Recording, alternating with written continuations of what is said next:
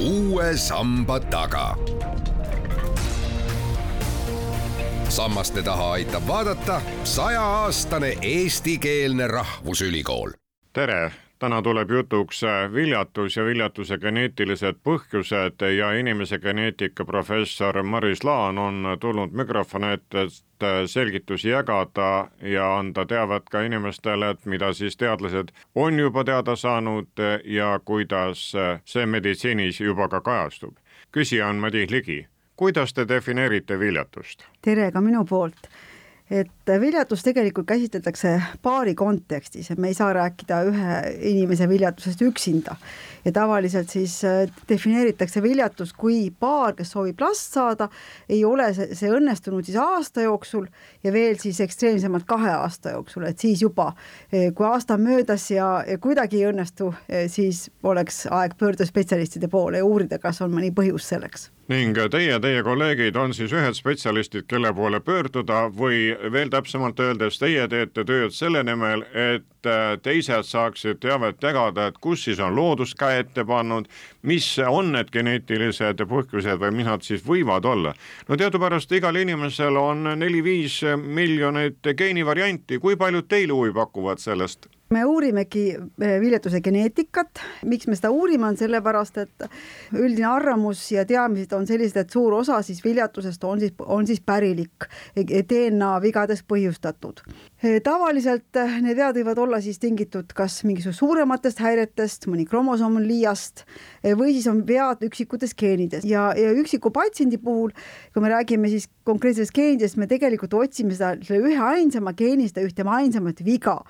et kui me nüüd mõtleme niimoodi, et inimesel on kuskil kakskümmend, kakskümmend viis tuhat geeni, igas geenis on, on, on tõesti kokku palju-palju geenivariante ja siis see üksainukene väikene geeniviga võib siis olla see, mis põhjustab viljatust sellel konkreetsel patsiendil ja seda me siis otsimegi. selleks, et seda üles leida, seal on, on mitmesugused meetodid, meil on, meeskond on päris suur ja, ja rahvusvaheliselt ka töötame rahvusvahelises meeskonnas, no oleme töötanud välja siin niisugused noh, meetmed, kuidas me siis jõuame selle ühe geenivariandini. aga keerukaks võib-olla selle juures teebki see olukord, et tegelikult iga inimene on erinev ja sellest lähtudes ka viljatuse geneetika on väga heterogeenne, et et me harva, väga harva näeme olukorda, kus kahel patsiendil on sama geeni,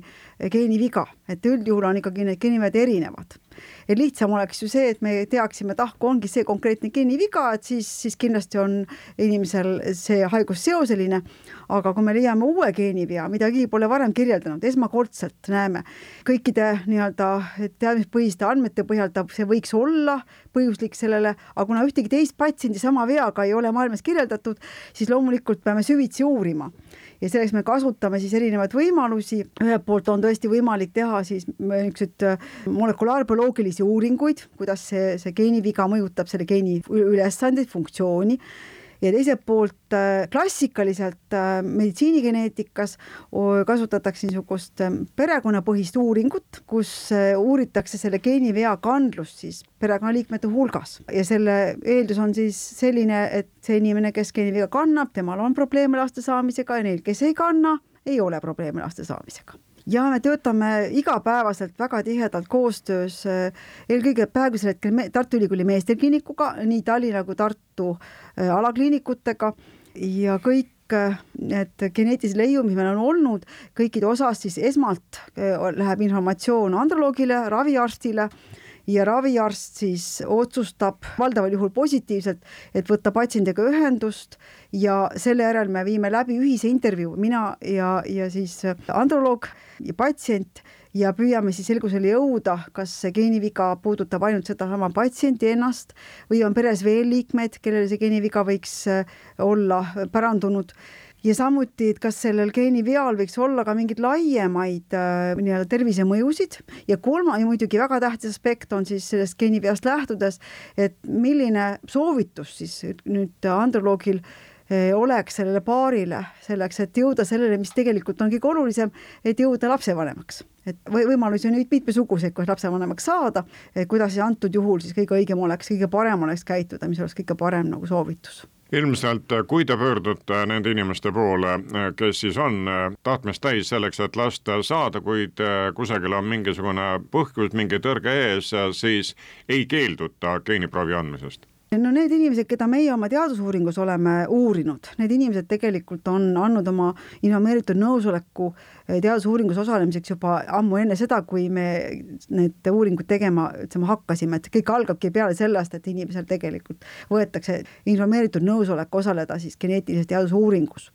ja teadusuuringusse on siis oodatud olnud need mehed, kelle puhul seda viljatuse põhjust pole leitud, sest me kiidame väga meie, meie meestearste, väga suurel hulgal patsientidel on see viljaduspõhjus leitud, see võib olla ka mittegeneetiline hoopis ja vastavalt sellele siis on, on toimitud, aga, aga täna siis meie Eesti enda andmetel jääb kuskil kuuskümmend protsenti mehepoolse viljatuse diagnoosiga patsientidest ikkagi seletamata juhtumiteks, et see on päris suur hulk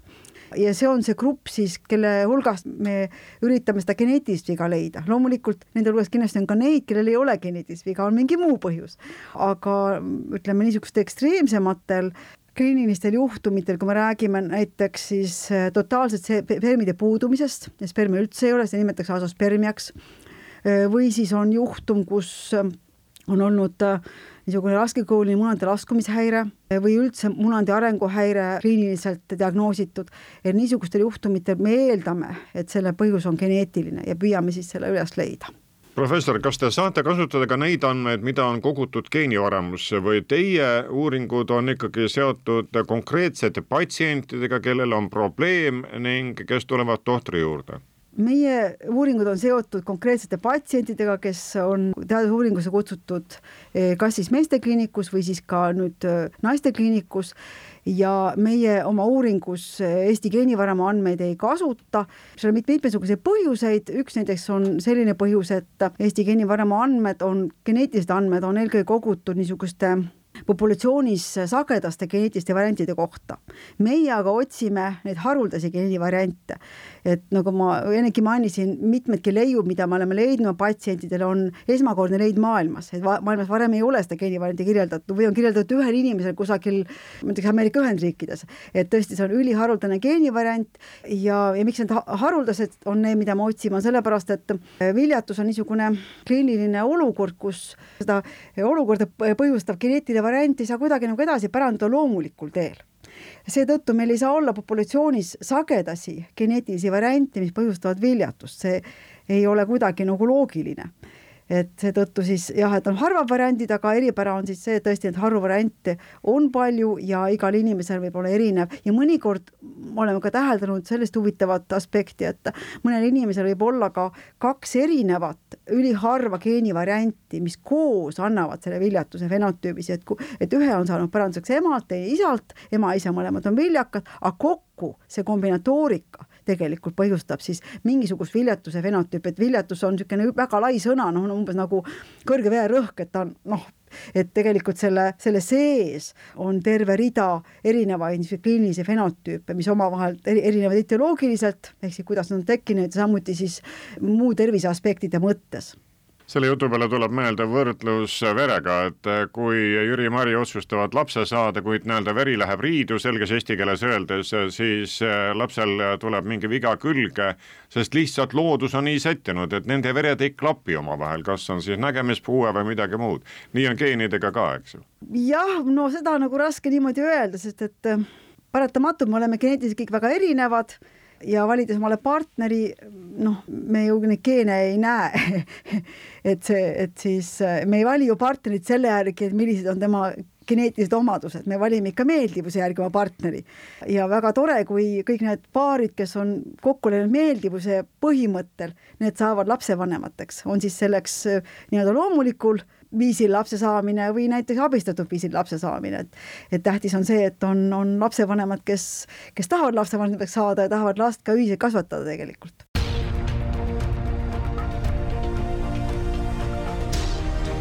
Uue samba taga. sammaste taha aitab vaadata sajaaastane eestikeelne rahvusülikool professor Laan, vaatame nüüd aga üldises plaanis neid viljatuse põhjuseid, et kui palju siis on tingitud naistest, kui palju meestest, kuidas see jaotub ja kui palju jääb siis määramata, et kummal pool see viga on? No maailmas eh, niisugused epidemioloogilised uuringud näitavad, et kuskil noh, sõltuvalt uuringust kümme-viisteist protsenti paaridest on need, kelle puhul siis on probleem laste saamisega. Ja neist umbes siis kolmandik on, on naistepoolsed eh, probleemid, siis umbes kolmandik on, on puhtalt siis meestepoolne probleem ja umbes kolmandik on need, kus mõlema, mõlemapoolne komponent koos annab siis sellise see fenotüübi, et, et neil on raskusi laste saamisega ning eh, mis siis seda mõjutab, eh, seda viljatust, kas inimese eluviis ka kuidagi või kõik on geneetiliselt määratud ja see, kas ta on noh, näiteks praeguses olukorras stressis või mitte, see siin rolli ei mängi? ikka, ikka loeb äh, inimese eluviis ka ja see kõik loeb. ütleks niimoodi, et kui meil on tegemist niisuguse raskekuulise geneetilise veaga, see, see, seda me ei saa muuta oma eluviisi muutes et, et kui meil on ikkagi niisugune mõni oluline geen, mis on näiteks mänginud rolli juba enne sündi poisslapse munandite arengus ja kui see geen ei tööta, ja munadid ei arene, arene üsasiselt normaalselt ja samuti puberteedieas ei saa nii-öelda vastavat tõuget arenguks, ega sa pärast tagantjärgi siis midagi teha ei saa selles osas. või siis on tegemist geeniga, mis siis on määraval, määravaks näiteks spermatogeneesi protsessis. spermatogeneesi protsess on väga pikk, seal on mitmeid etappe ja igas etapis osaleb mitukümmend erinevat valku ja kui mõni neist ei, ei, mõni neist valkudest sealt ei toimi, siis see protsess ei lähe edasi, jääb niisugune nagu poole peale kogu see protsess, et tegelikult mütogeenis käivitub, aga küpset sperma ei teki. jällegi me ei saa seda tegelikult noh, mingisuguse elustiili või keskkonnafaktorite kuidagi mõjutada, kui on mažoorne geeniviga. küll kindlasti aga ütleme, kui inimesel võib olla niisugune eel, kas mingi eelsoodum, me nimetame subfertiilsus mõnikord, et siis kindlasti see ei tee halba pidada head elustiili, olla tervisliku eluviisiga ja et, et, et kindlasti ütleme niimoodi, et kehv elustiil, kehv, kehvad tervisekombed kindlasti ei, ei mõju hästi ka reproduktiivtervisele, ütleme niipidi. et, et aga, aga siis põhjuslikuna jah, mõnda niisugust äh, välist põhjust, välja arvatud ekstreemsed põhjused, ütleme, ma toon näiteks noh, näitena näiteks, kui inimesel on olnud äh, kasvajaseoseline ravi, ütleme kiiritusravi, keemiaravi, no see on selge põhjus, miks, miks võib tekkida viljatus ja on ka mõned muud niisugused, mõned, mõned haigused, mille läbipõdemisel tegelikult tekkida mingi, mingisugune viljatuse vorm. et need on jah, niisugused majoorsed põhjused aga, aga jah, oma, oma elustiiliga ja sperma kvaliteeti kindlasti saab mõjutada, et et kui meesterahvas on, on, on tervislike eluviisidega, siis ta kvaliteet on kindlasti parem kui palju on aga neid inimesi, mitu protsenti umbes siis, kes nii või teisiti last ei saa, lihtsalt on mingi viga ja meditsiin praegu veel ei suuda neid aidata? no niisugust täpset numbrit ma ei saa öelda, aga ma saan öelda niisuguseid ütleme üksikute või kindlate niisuguste kliiniliste äh, näidustuste puhul esinemissagedus. näiteks üks mees sajast ehk üks protsenti meestest on niisugused, kelle puhul diagnoositakse asospermia ehk spermide täielik puudumine, et see number on päris, päris suur tegelikult. teine niisugune suurem kategooria on ekstreemne munandite arenguhäire, mis väljendub siis munandite laskumise häirega, mis ei korrigeeru esimesel eluaastal iseeneslikult. ja neid poisse või meesterahvaid on ka kuskil üks, mõne, mõnes kirjanduses isegi kaks protsenti populatsioonist, kelle puhul siis munadid jäävad kas kõhuõõnde või mingisse muude nii-öelda valesse positsiooni ja, ja sellest lähtudes ei saa seal siis toimuda normaalne spermatogenees, kuna siis tingimused, ümberkaudu tingimused on valed. et see kokku on juba nüüd, me räägime siin kolmest protsendist, need on need ekstreemsed juhtumid aga, aga siis on, on veel ütleme kaks-kolm protsenti mehi, kellel on siis väga madal spermide arv, et äh, ka nende puhul siis üldjuhul äh, laste saamine õnnestub, aga ikkagi abistatud meetodite abil, et iseseisvalt loomulikul teel tihtipeale ei õnnestu äh, laste saamine, et kokku see protsent tuleb päris, päris suur tegelikult, et ma noh, ma, ma julgen selle välja öelda, et noh, ütleme miinimum äkki viis protsenti mehi on, kellel on, on raskusi laste saamisega ja kellel on tõesti noh, kindlasti vaja abistatud meetodeid selleks. Te mõtlete kunstlikku viljastamist? just, mõnda seda vormi ja mõnikord ka see ei, ei ole nagu sobilik viis, et on ka teisi siis, teisi lähenemisi. ja, ja kui me naiste poolest läheme, naistest me pole üldse rääkinud et naiste poole peale läheme ka, et naiste puhul siis ütleme sellisele äh, meeste spermatogeneesi häirele vastav, äh, vastav niisugune fenotüüp on, on, me nimetame siis enneaegne ovariaalpuudulikkus. et need on naised, kellel tekib siis äh, enneaegne menopaus Neid on ka erinevate uuringute andmetel kusagil miinimum üks protsent populatsioonist, mõnes uuringus isegi kuni kolm protsenti, et sõltub nüüd, kuidas neid, keda on uuritud täpselt ja mis on olnud kriteeriumid ja sellest siis ka ühe suure osa ikkagi moodustavad geneetilised juhud et üks osa on ka niisuguseid teisi, noh, näitena tuua, ütleme, raskekujuline anoreksia näiteks, mis põhjustab ka enneaegset puudulikkust, niisuguseid, niisuguseid või, või väga, väga in, üliintensiivne sportimine või niisugused, noh, need ka tegelikult on, on seotud niisuguse ovariaalhäirega. Aga geneetilisi juhtumeid on ka arvestatav hulk ja samuti neid oleme läinud nüüd uurima koos Tartu Ülikooli Kliinikumiga ja teiseks siis ka koos Ida-Tallinna Keskhaiglaga. et kogume Eestis praegult esmakordselt enneaegse ovariaalpuudulikkusega naiste valimit, mida varem ei ole kunagi Eestis kogutud. Ja kui keegi on huvitatud selles uuringus osalema, võib minuga alati ühendust võtta, et eesmärk on siis selgitada neid geneetilisi põhjuseid selle, selle taga. Ja, ja selle puhul siis väga oluline tõesti on see, on, ongi see mitte ainult selgitada diagnostiliselt, et me, me leiamegi selle geenivea üles, et mis kasu siis sellest lõpuks on sellele inimesele. aga, aga enamik neist geenivigu on perekondlikud, et on perekonnas pärandunud ja see informatsioon, võib-olla kui me ka teistele pereliikmetele jagame, näiteks noor, noorematele pereliikmetele, kellel veel ei ole väljendunud selline, see geenivea tulemus, ehk siis enneaegne menopaus, siis noored naised teavad seda, et mul võib tekkida pärilikult enneaegne menopaus ja võib-olla planeerivad oma pere loomise natuke nooremas eas et selles osas on ka see informatsioon kindlasti pere, perekonnale üldisemalt kasulik koostööle Ülikooli Kliinikumi androloogiakeskusega te juba viitasite ja haiglale samamoodi, kuid lisaks sellele vaatasin siin ettevalmistuse käigus, et teil on ühistöö ka Suurbritannia kolleegidega. nii et see teadmine on nagu üldisem ja et me töötame nüüd juba mitmeid aastaid tegelikult niisuguses suures ülemaailmses mm, viljatuse konsortsiumis, mida nimetatakse Gemini. sellesse suurde konsortsiumisse kuulub praegusel hetkel juba üle kahekümne kliinilise keskuse üle maailma, et seal on siis tõesti Austraalia partnerid, on, on siin mitmetest Euroopa riikidest partnerid, mitmed Ameerika Ühendriikide keskused. Ja, ja see ongi selle pärast, et me üksteist toetaksime uuringutes, et nagu ma ennegi mainisin, enamikel eh, just meeste viljatusega seotud patsientidel on siis unikaalsed geenileiud ja mõnikord on ka see, et ma avastangi uue geeni sellel ühel patsiendil on selles uues, uues geenis see üks geenimuutus. aga kuidas ma saan seda tõestada, kuidas ma saan olla kindel, et see pole mingi juhuslik geeniviga, et see ongi seotud minu viljatuse fenotüübiga. ja selleks, et leida siis nagu tõestust sellele või toetust sellele, pöördume me siis, me pöördume oma kolleegide poole ümber maailma, uurides, kas teil on mõni patsient seesama geeniveaga et me siis saame andmed kokku panna ja, ja selle põhjal tulla välja järgmise leiuga ja niimoodi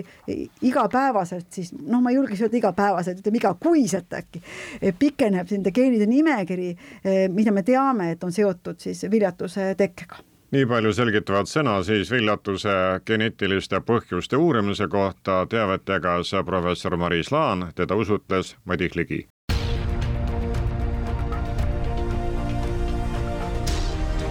Uue samba taga.